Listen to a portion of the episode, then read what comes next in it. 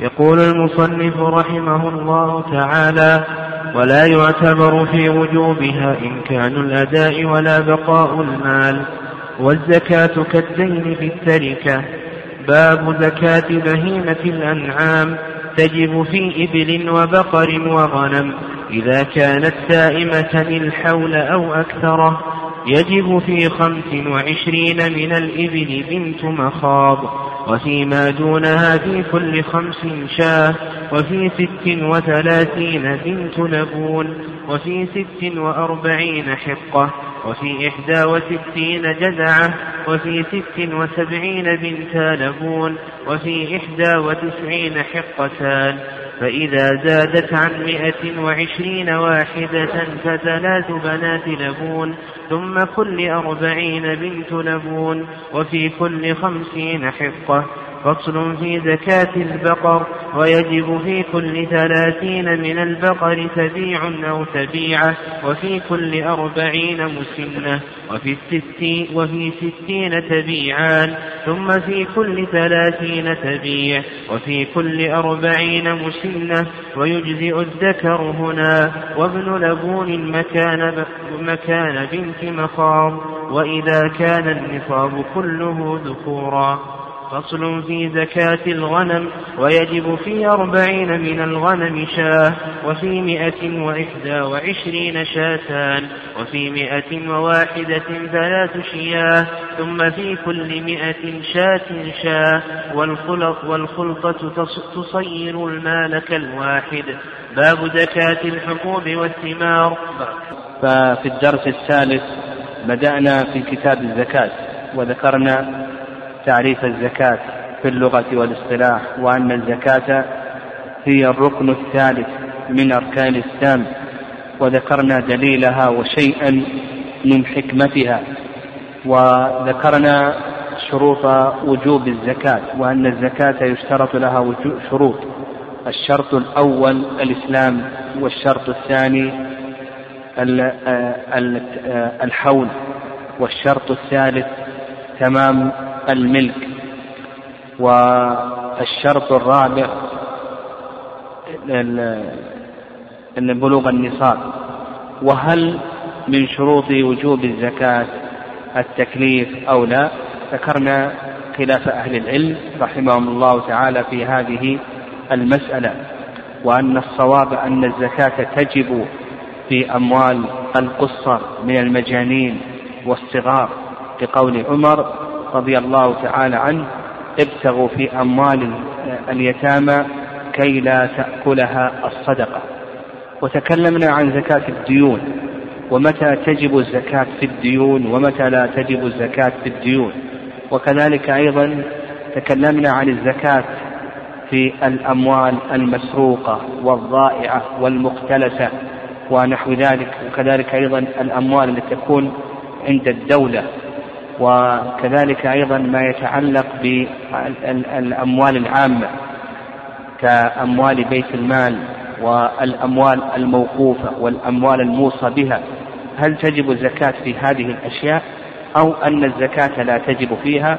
إلى آخره تكلمنا على هذه المسائل. وكذلك أيضا ما يتعلق بالدين هل ينقص الدين؟ الزكاة أو يسقط الزكاة. تكلمنا على هذه المسألة وبينا كلام أهل العلم رحمهم الله تعالى فيها.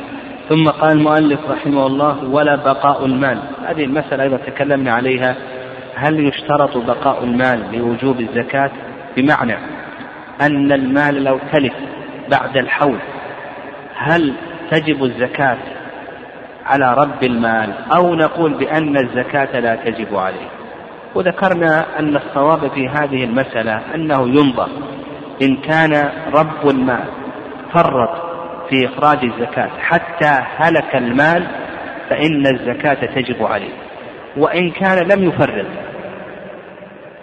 ثم هلك المال فإن الزكاة لا تف... فإن الزكاة لا تجب عليه. فإذا لم يفرط مثلا حبس الزكاة لكي يبحث عن الفقير ونحو ذلك. ثم بعد ذلك هلك المال فنقول بأنه لا زكاة عليه. لكن لو فرط وجد الفقير ولم يخرج المال لم يخرج الزكاة حتى هلك المال فإن الزكاة تجب عليه. قال المؤلف رحمه الله تعالى والزكاة كالدين في التركة. الزكاة كالدين في التركة. يعني يقول المؤلف رحمه الله تعالى إذا مات الشخص وعليه زكاة لم يخرجها فهي كالدين كما أنه يجب إخراج الدين من التركة فكذلك أيضا ديون الله عز وجل من زكوات وكفارات ونذور ونذور يجب أن تخرج. ودليل ذلك قول الله عز وجل فدين الله أحق بالوفاء. قول الله قول النبي صلى الله عليه وسلم فدين الله أحق بالوفاء خرجه البخاري. وهذا الذي ذهب إليه المؤلف رحمه الله هو المشهور من مذهب الإمام أحمد رحمه الله خلافا لأبي حنيفة. فإن أبا حنيفة رحمه الله يقول بأن ديون الله تسقط بالموت. فإذا كان على الشخص زكاة مثلا ثم بعد ذلك مات قبل أن يؤدها فإنها تسقط. هذا ما ذهب إليه أبو حنيفة رحمه الله تعالى. والرأي الثاني الذي ذهب إليه المؤلف رحمه الله أن الزكاة يجب أن تخرج. أن الزكاة يجب أن تخرج كالدين. كما أن الدين يجب أن يخرج من التركة فكذلك أيضا نقول بأن الزكاة يجب أن تخرج من التركة. وهذا القول هو الصواب لما ذكرنا من قول النبي صلى الله عليه وسلم آه، فدين الله أحق بالوفاء اطلبوا الله فدين الله أحق بالوفاء حيث ابن عباس رضي الله تعالى عنهما في صحيح البخاري. وإذا اجتمع دين الله ودين الآدم فأيهما يقدم؟ يعني اجتمع دين الله ودين الآدم وضاقت التركة عن دين الله وعن دين الآدم. ولنفرض أن الم... أن الميت خلف عشرة آلاف ريال. عليه زكاة قدرها ألف ريال. وعليه دين قدره خمسة عشر ألف ريال. فهل نقدم دين الله أو نقدم دين الآدمي أو نقول بأنهما يتحاصان. هذه المسألة موضع خلاف بين العلماء رحمهم الله فقال بعض العلماء يقدم دين الله. فنخرج الألف أولا بقول النبي صلى الله عليه وسلم كما سلف فدين الله أحق بالوفاء وقال بعض العلماء يخرج دين الآدمي لأن حقوق الآدميين مبنية على المشاحة. والقول الثالث القول الثالث وهو الصواب أنهما يتحاصان يعني يتزاحمان يتزاحمان في التركة فتقسم التركة بين دين الله ودين الآدم بالنسبة. تقسم التركة بين دين الله ودين الآدم بالنسبة. ولنفرض أن التركة تساوي ثلاثة آلاف. والزكاة تساوي ثلاثة آلاف والدين يساوي ثلاثة آلاف فالزكاة ثلاثة آلاف لا تكفي لدين الله ولدين الآدمي لا تكفي للزكاة ولدين الآدمي. فكيف نفعل؟ نقول بأنهما يتحاصان نجمع الديون وننسب الزكاة إليها ونعطي كل دين بمقدار تلك النسبة. الديون ثلاثة وثلاثة تساوي ستة. التركة ثلاثة. انسب الثلاثة إلى الستة. كم تساوي؟ تساوي النصف. فدين الله يأخذ النصف. ألف وخمسمائة. ودين الآدمي يأخذ النصف. ألف وخمسمائة. وهذه هي التركة. وهذا القول هو الصواب. ثم قال المؤلف رحمه الله تعالى باب زكاة بهيمة الأنعام. الأموال الزكوية كما تقدم لنا بهيمة الأنعام والنقدان وما يقوم مقامهما الذهب والفضة وما يقوم مقامهما اليوم من الأوراق النقدية وعروض التجارة والخارج من الأرض.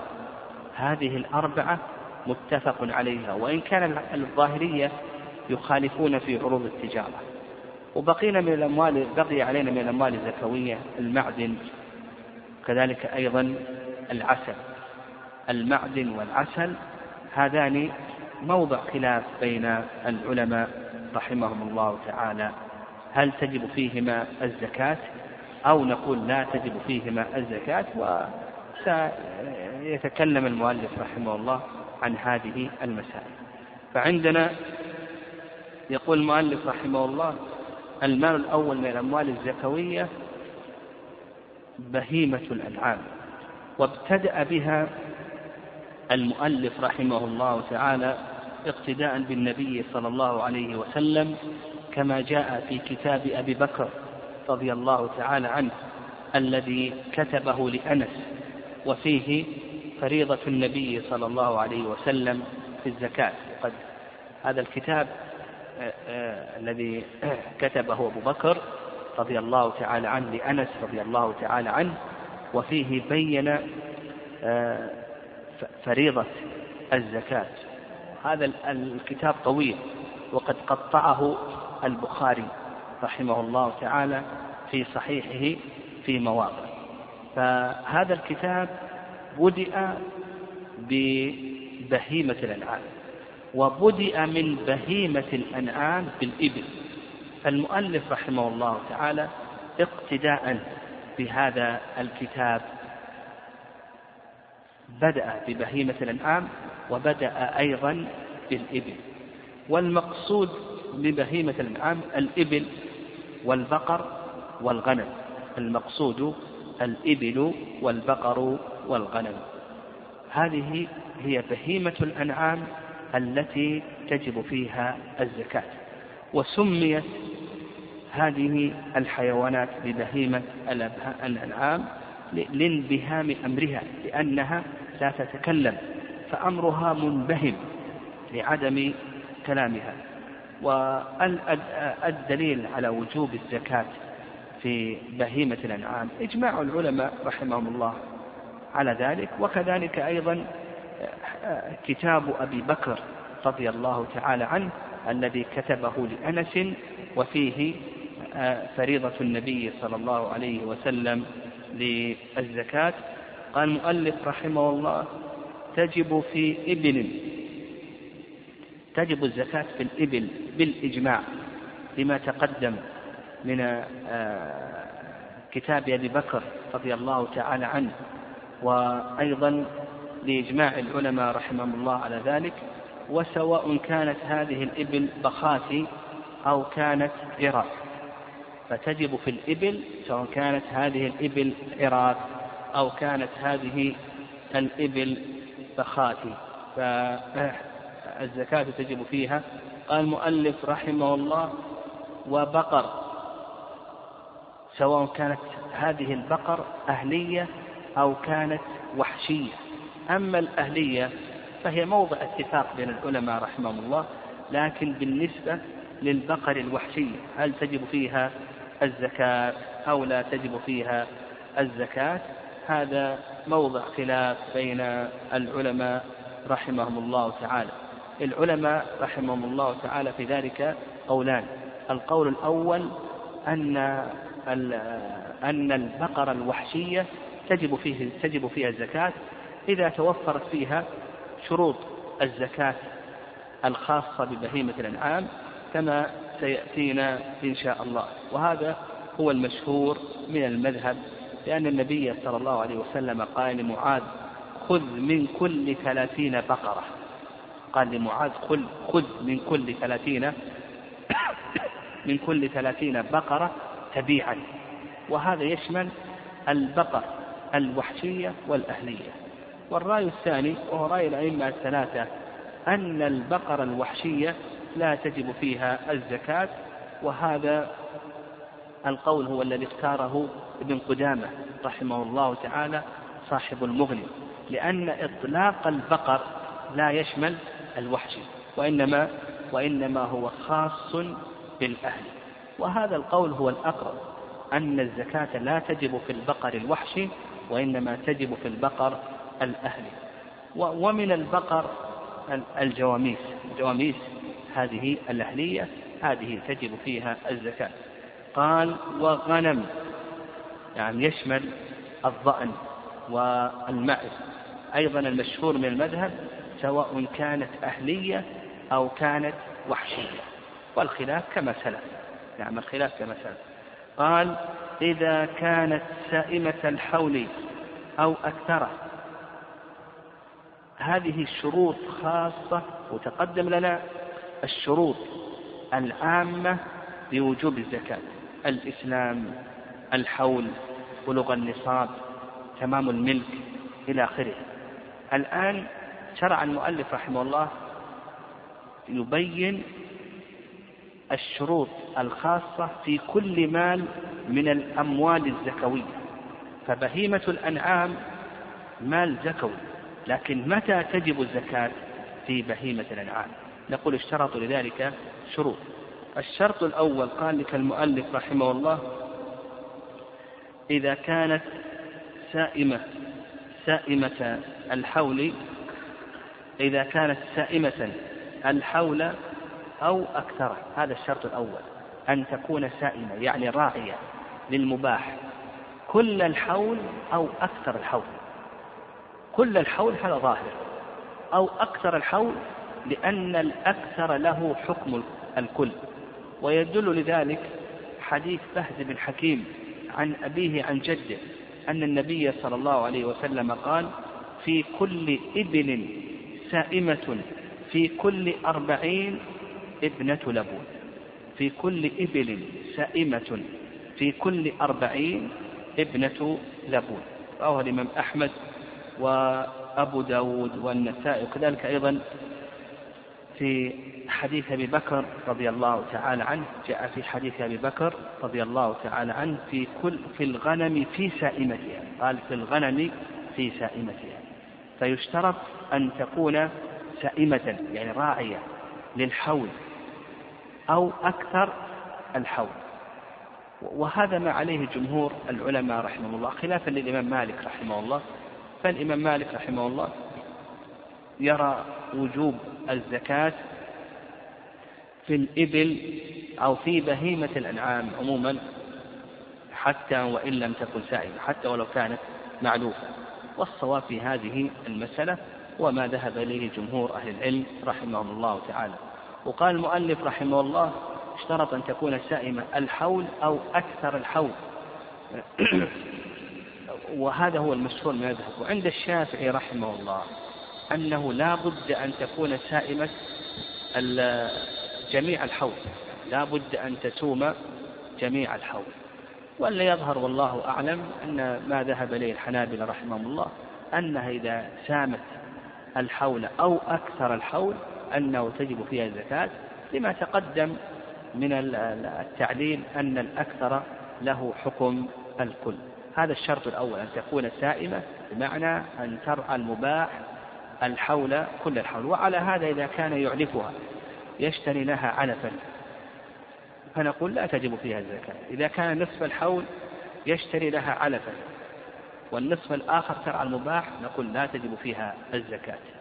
إذا كان بعض الحول يشتري لها علفا وأكثر الحول ترعى المباح نقول بأنه تجب فيها الزكاة. هذا الشرط الأول. الشرط الثاني أن تكون معدة للدر والنسل. معدة للدر يعني أن يؤخذ منها الحليب وكذلك النسل يعني التوالد. وعلى هذا على هذا وهذا ما عليه أكثر أهل العلم رحمهم الله تعالى.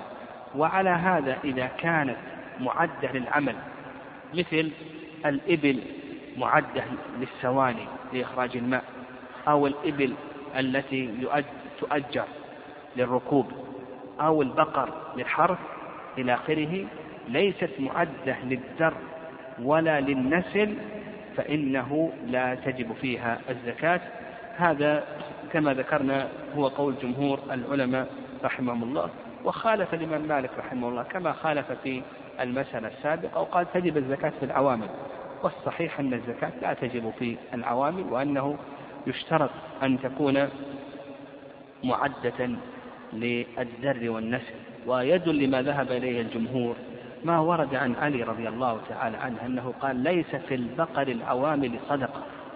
ليس في البقر العوامل صدقة. وكذلك أيضا ورد عن جابر بن عبد الله وفيه حديثان يعني فيه حديثان حديث علي وكذلك أيضا حديث عبد الله بن عمر. لكن هذا الحديثان فيهما ضعف لكن ما دام إنه وارد عن الصحابة عن علي بن أبي طالب وجابر بن عبد الله رضي الله تعالى عنهما ولأن البقر أو الإبل التي للعمل هذه بمنزلة آه، الرقيق الذي يستخدمه للخدمة والسيارة التي التي يمتلكها للركوب.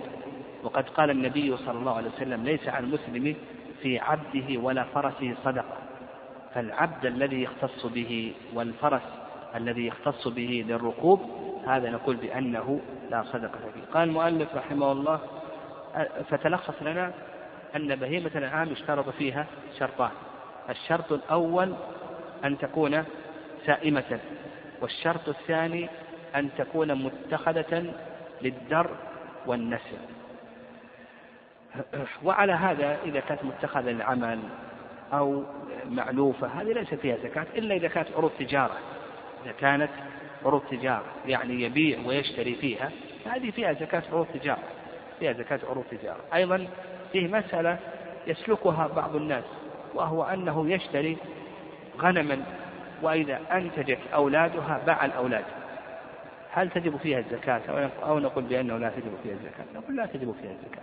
هذه الأشياء لا تجب فيها الزكاة. الزكاة في المال الذي يحصله إذا حال عليه الحول فإذا كان عنده مثلا بقر وإذا أنتجت هذه البقر باع الأولاد ونحو ذلك استفاد من أولاده وباعها أو عنده أبقار باعها أو عنده حليب ويبيع الحليب نقول الزكاة في ما يتعلق بثمن الحليب ونحو ذلك. قال المؤلف رحمه الله تعالى فيجب في خمس وعشرين من الإبل بنت مخاض. يعني بدأ المؤلف رحمه الله في بيان مقادير زكاة الإبل فيقول المؤلف رحمه الله يجب في خمس وعشرين بنت مخاض وهذا بالإجماع.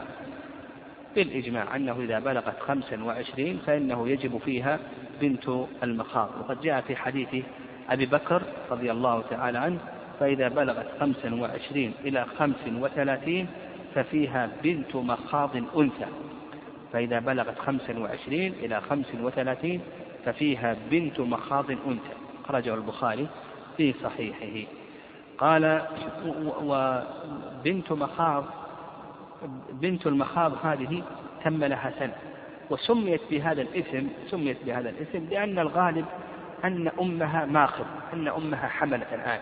الغالب أن الأم حمل وليس بشرط هذا لكن الغالب أن الأم حملت. قال رحمه الله وفيما دونها في كل خمس شاة. وعلى هذا أقل نصاب الإبل خمس فأربع ليس فيها شيء خمس فيها شاة. ثم بعد ذلك ليس فيها شيء حتى تبلغ عشرا فإذا بلغت عشرا ففيها شاتان. ثم ليس فيها شيء حتى تبلغ خمس عشرة فإذا بلغت خمس عشرة ففيها ثلاث شيع ثم بعد ذلك ليس فيها شيء حتى تبلغ عشرين. فإذا بلغت عشرين ففيها أربع شيع وما بين الفريضتين ما بين الفريضتين هذا ليس فيه زكاة. ويسمى عند العلماء رحمهم الله بأي شيء؟ بالوقف. يسميه العلماء رحمهم الله الوقف. والوقف هذا من خصائص بهيمة الأنعام. فعندنا الوقف هذا من خصائص بهيمة الأنعام. كذلك أيضا الخلطة نعم الخلطة كما سيأتينا من خصائص بهيمة الأنعام. الجبران هذا من خصائص الإبل. الجبران هذا من خصائص الإبل. وسيأتي إن شاء الله الكلام على هذه المسائل. المهم الوقف هذا ليس فيه زكاة وهذا من خصائص بهيمة الأنعام. وأكثر وقف في الغنم كما سيأتينا. يعني 198 شاة هذا ليس فيه زكاة هذا أكبر وقف وفي سائمة بهيمة الأنعام وسيأتينا إن شاء الله في الغد المهم أنه ليس فيها شيء. يقول لك المؤلف وفي كل خمس شاة. يعني الخمس فيها شاة عشر شاتان خمسة عشرة عشرون إلى أن تبلغ خمسا وعشرين. فإذا بلغت خمسا وعشرين ففيها بنت مخاض طيب والخمس فيها شاة. طيب لو أخرج بعيرا هل يجزي أو لا يجزي؟ طيب هو قال الآن أنا سأخرج بعيرا. هل يجزي إخراج البعير أو لا يجزي إخراج البعير؟ المؤلف رحمه الله المشهور من المذهب به قال من مالك ما يجزي. لا بد أن يخرج شاة. حتى لو قال أنه أريد أن أخرج بعير أعلى من ذلك. يقول لك لا يجزي. وعند أبي حنيفة والشافعي أنه يجزي. وهذا هو الصواب. يعني هذا هو الصواب. أنه يجزي. لو أخرج قال أنا خمس علي شاة بخرج بعير. عند أبي حنيفة والشافعي أن هذا مجزي وهذا القول هو الصواب ويدل له حديث أبي بن كعب رضي الله تعالى عنه في قصة الرجل الذي أخرج أعلى مما وجب عليه. طيب لو أراد أن يخرج بقرة قال أريد أن يخرج بقرة هل يجزي أو لا يجزي؟ نقول لا يجزي. لأنه خلاف الجنس. لو قال أريد أن يخرج بقرة لا يجزي لو أراد أن يخرج نصف شاتين يجب عليه شاتين فأراد أن يخرج نصف شاتين. يملك نصف هذه الشاة ويملك نصف هذه الشاة وأراد أن يعطيهما الفقير. نعم. هل يصح ذلك ولا يصح؟ المذهب أنه لا يجوز. لو أراد أن يخرج نصف شاتين المذهب أنه لا يصح. والرأي الثاني أن هذا الصحيح قال به بعض الحنابلة. يقولون بأن هذا جائز ولا بأس به. يعني لا بأس به. والصواب أنه في مثل هذه المسألة أنه يرجع إلى الحال يعني إذا كان الفقير يتضرر بذلك إذا أخرج نصف شاتين الفقير يتضرر بذلك نقول بأنه لا يجزي. أما إذا كان الفقير لا يتضرر فنقول بأنه يجزي. قال المؤلف وفي ست وثلاثون بنت لبون. إذا بلغت ستا وثلاثين ففيها بنت لبون. وبنت اللبون هذه ما تم لها سنتان. وسميت بذلك لأن الغالبة أن أمها وضعت وهي ترضع الآن. فسميت بنت لبون يعني بنت مرضعة ذات لبن. الغالب أن أمها ولدت وأنها ترضع الآن وهذا ليس شرطا. قال رحمه الله وفي ست وأربعين حقة الحقة إذا بلغت ستا وأربعين يعني ليس فيها شيء يعني ست وثلاثون بنت لبون. سبع وثلاثون بنت لبون. أربعون بنت لبون. خمس وأربعون بنت لبون. إلى أن تبلغ ست ستا وأربعين. فإذا بلغت ستا وأربعين ففيها حقة والحقة هذه ما تم لها ثلاث سنوات وسميت بذلك قيل لأنها استحقت أن يطرقها الفحل وقيل لأنها استحقت أن تحمل عليها الأحمال والأثقال. قال رحمه الله وفي إحدى وستين جذعة نعم إحدى وستين جذعة. أيضا كما قلنا خمسون فيها ماذا؟ ها؟ فيها حقة. الخمسون فيها حقة. الخمس والخمسون فيها ماذا؟ حقة. ما تغير الفريضة. ستون فيها حقة. إذا بلغت إحدى وستين ففيها جذعة والجذعة هي ما تم لها أربع سنين وسميت بذلك لأنها تجذع يعني أسقطت الثنية. نعم أسقطت ثنيتها. قال وفي ست وسبعين بنت لبون. في ست وسبعين بنت لبون. وعلى هذا سبعون فيها ماذا؟ جدعة. خمس وسبعون فيها جدعة. إذا بلغت ستا وسبعين تغيرت الفريضة. فيها بنت لبون. قال وفي إحدى وتسعين حقتان. بالإجماع. إحدى وستين إحدى وتسعين فيها حقتان ثمانون فيها بنت لبون. خمس وثمانون بنت لبون. تسعون فيها بنت لبون. إحدى وتسعون يقول المؤلف فيها حقتان طيب تستمر فيها حقتان إلى أن تبلغ مئة وعشرين. فإذا بلغت مئة وعشرين يعني إذا زادت عن مئة وعشرين استوت الفريضة في كل أربعين بنت لبون وفي كل خمسين حقة. قال المؤلف فإذا زادت عن مئة وعشرين واحدة فثلاث بنات لبون. مئة وعشرين كم فيها؟ مئة وعشرون كم فيها؟ ها؟ حقتان. كما قال المؤلف في 91 حقتان. إلى أن تصل إلى مئة وواحد وعشرين. فإذا وصلت مئة وواحد وعشرين ففيها ثلاث بنات لبون يعني في كل أربعين إذا بلغت مئة وواحد وعشرين. فما فوق؟ في كل أربعين بنت لبون وفي كل خمسين حقة. في كل أربعين بنت لبون وفي كل خمسين حقة. وعلى هذا مية وواحد وعشرين كم فيها؟ ها؟ ثلاث بنات لبون طيب مئة وثلاثون. مئة وثلاثون كم فيها؟ مئة وثلاثون. بنت لبون وحقة. بنت لبون بثمانين وحقة بخمسين تساوي مئة وثلاثين العلماء رحمهم الله يقولون إذا قدرت وبقي معك عشر فأكثر فأعلم أن التقدير خطأ. إذا بقي أقل من عشر التقدير صحيح. طيب مئة وأربعون كم فيها؟ حقة حقتان ها؟ وبنت لبون. حقتان بمئة وبنت لبون بأربعين. مئة وخمسون ثلاث حقات مئة وستون أربع بنات لبون صح. أربع بنات لبون. مئة وسبعون. أيوة حقة وثلاث بنات لبون. حقة وثلاث بنات لبون. مئة وثمانون. حقتان وبنت لبون. حقتان بمئة وبنت لبون بثمانين.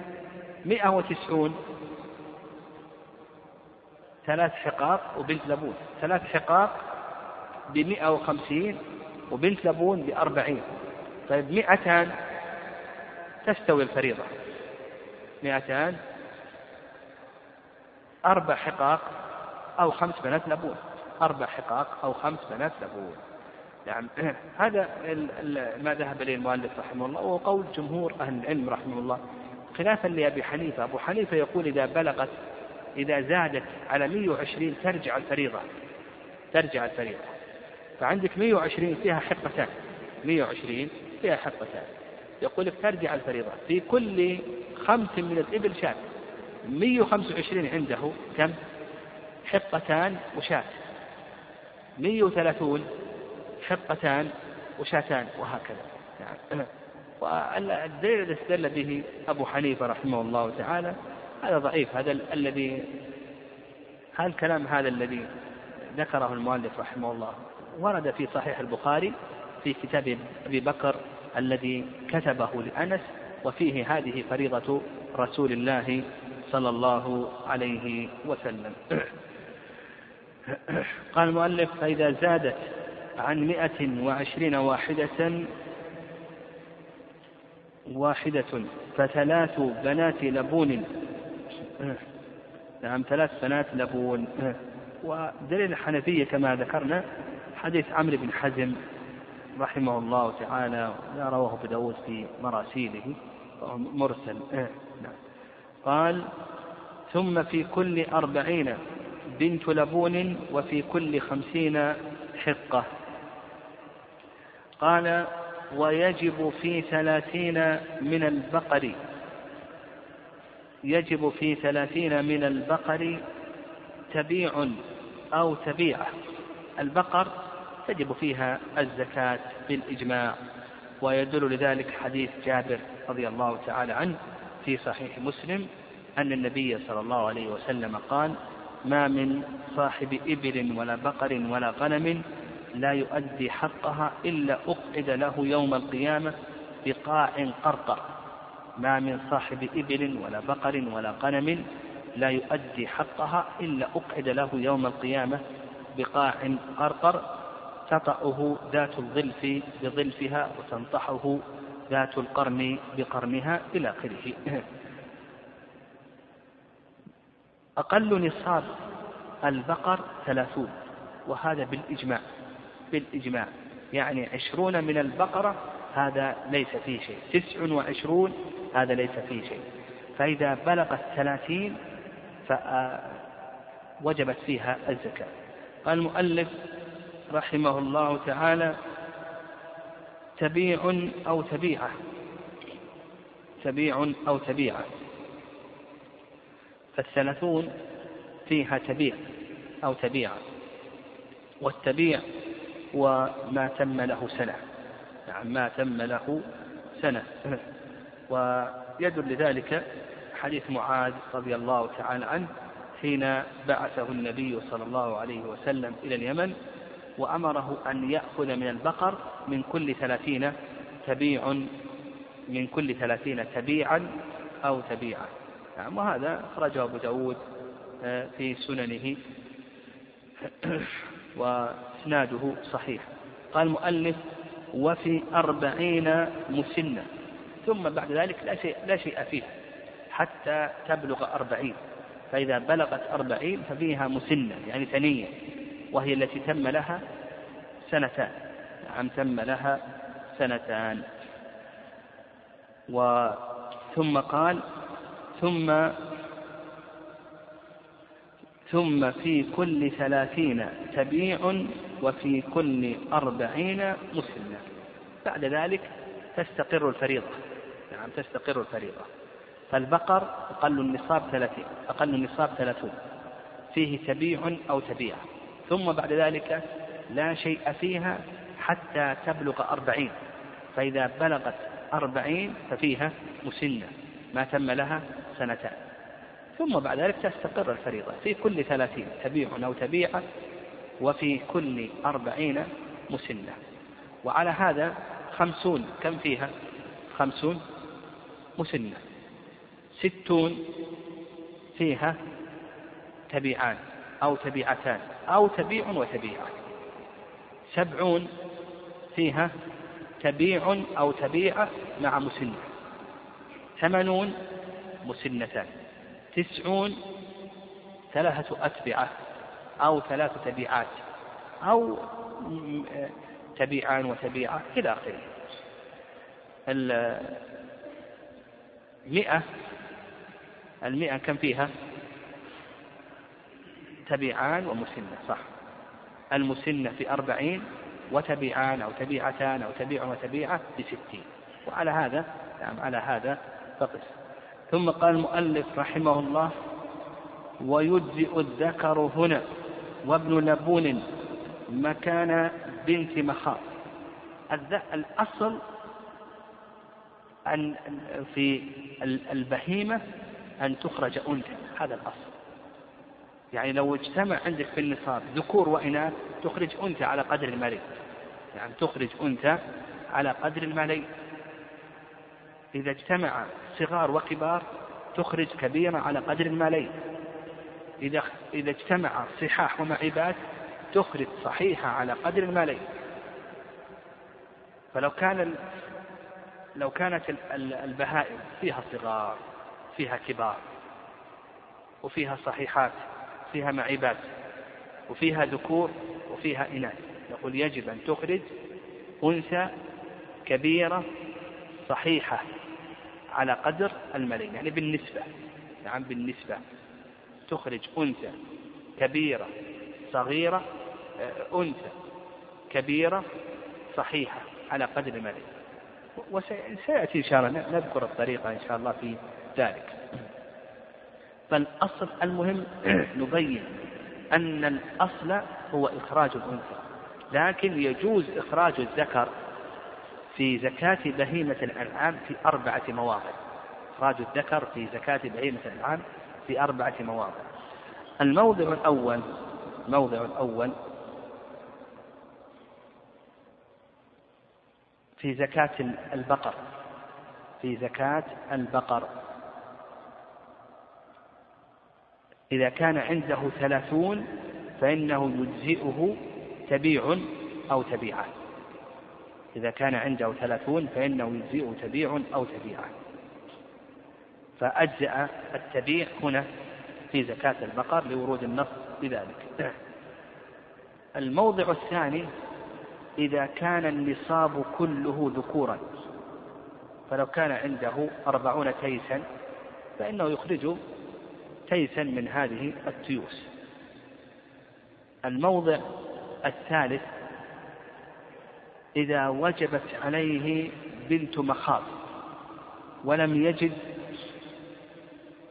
بنت مخاض فإنه لا بأس أن يرقى ويعطي ذكرا. وجبت عليه بنت مخاض ما عنده بنت مخاض؟ يخرج ابن لبون أو يخرج حقا. أو يخرج جذعا. لا بأس. أن يخرج ابن لبون أو أن يخرج حقا أو أن يخرج جذعا.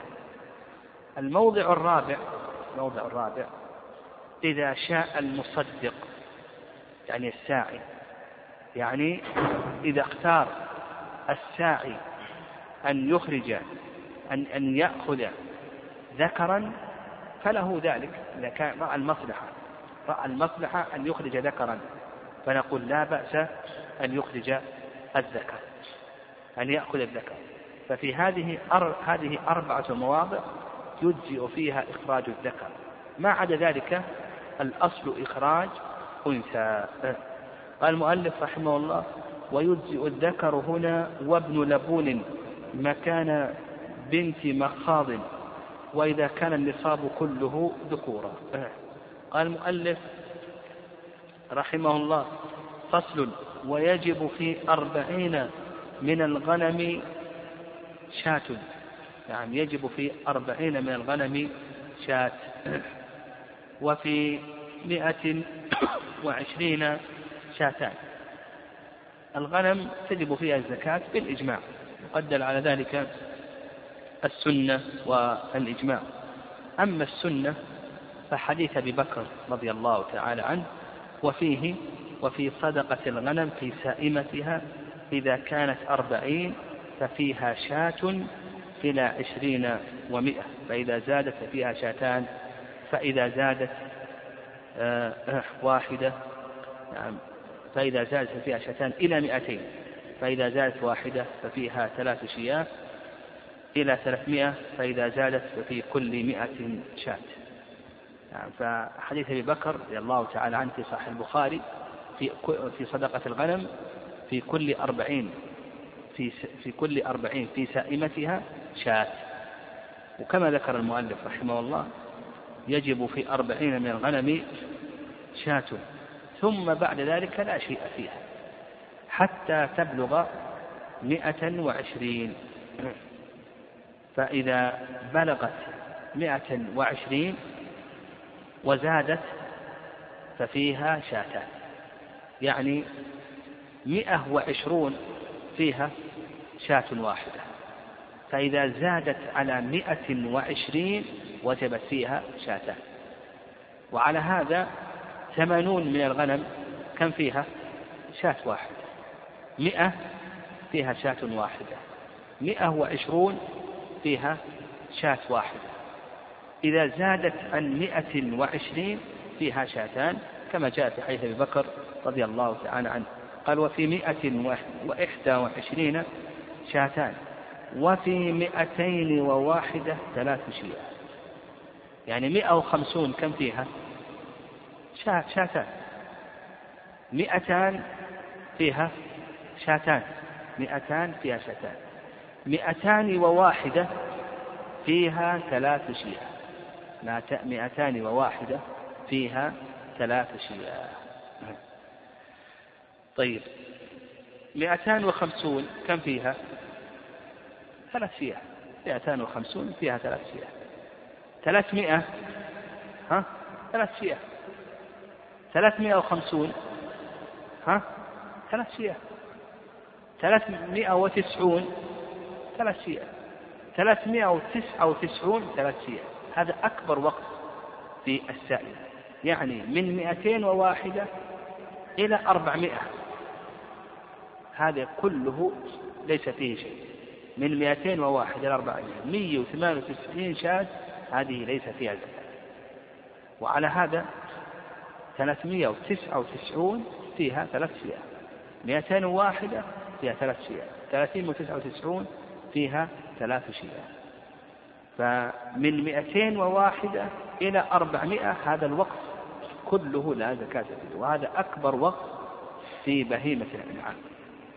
يعني فإذا بلغت أربعمائة ها ففيها أربع أشياء. ثم بعد ذلك تستقر الفريضة في كل مئة شاة.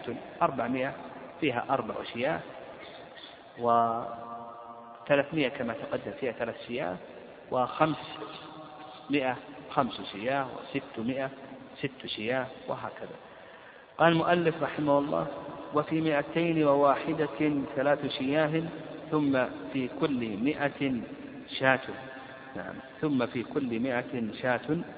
قال رحمه الله تعالى والخلطة تصير المالين كالواحد. الخلطة تصير المالين كالواحد هل الخلطة من خصائص بهيمة الأنعام؟ أو نقول بأن الخلطة ليست من خصائص بهيمة الأنعام. هذا موضع خلاف بين العلم رحمهم الله تعالى. وقبل ذلك نتكلم عن الخلطة في بهيمة الأنعام. نقول الخلطة في بهيمة الأنعام تنقسم إلى قسمين. تنقسم إلى قسمين. القسم الأول القسم الأول خلطة اشتراك وشيوع. خلطة اشتراك وشيوع. وهذه لا إشكال فيها. أن المال واحد. مثال ذلك زيد وعمر اشتريا أربعين شاة. وجعلاها ترعى المباح. هذه فيها شاة. زيد وعمر ورثا من أبيهما أو وهب لهما أربعون شاة أو خمس من الإبل وجعلها ترعى المباح. هذه تسميها ماذا؟ خلطة ماذا؟ خلطة اشتراك وشيوع. بمعنى أن نصيب كل واحد منهما ليس متميزا عن الآخر. كل منهما يشترك في هذه الشاة وفي هذه الإبل. فنصيب كل نصيب كل واحد منهما ليس مختلفا عن الآخر ليس منفصلا متميزا عن الآخر. هذه خلطة ماذا؟ ها؟ اشتراك وشيوع. فهذه المال فيها واحد تجب فيها الزكاة. القسم الثاني القسم الثاني خلطة أوصاف. خلطة أوصاف. خلطة أوصاف وجوار. بمعنى أن نصيب كل واحد منهما متميز لكن اشتركت هذه البهيمة في بعض الأوصاف. نقول خذ نصيب كل واحد متميز لكن اشتركت في بعض الأوصاف. فزيد له هذه الغنم وعمر له هذه الغنم. معروف نصيب زيد معروف نصيب عمر. ثم اختلطت واشتركت في بعض الأوصاف كما سيأتينا إن شاء الله ما يتعلق بالمسرح والمرأة والمحلب إلى آخره. اشتركت في بعض الأوصاف. هذه نسميها ماذا؟ خلطة ماذا؟ خلطة أوصاف.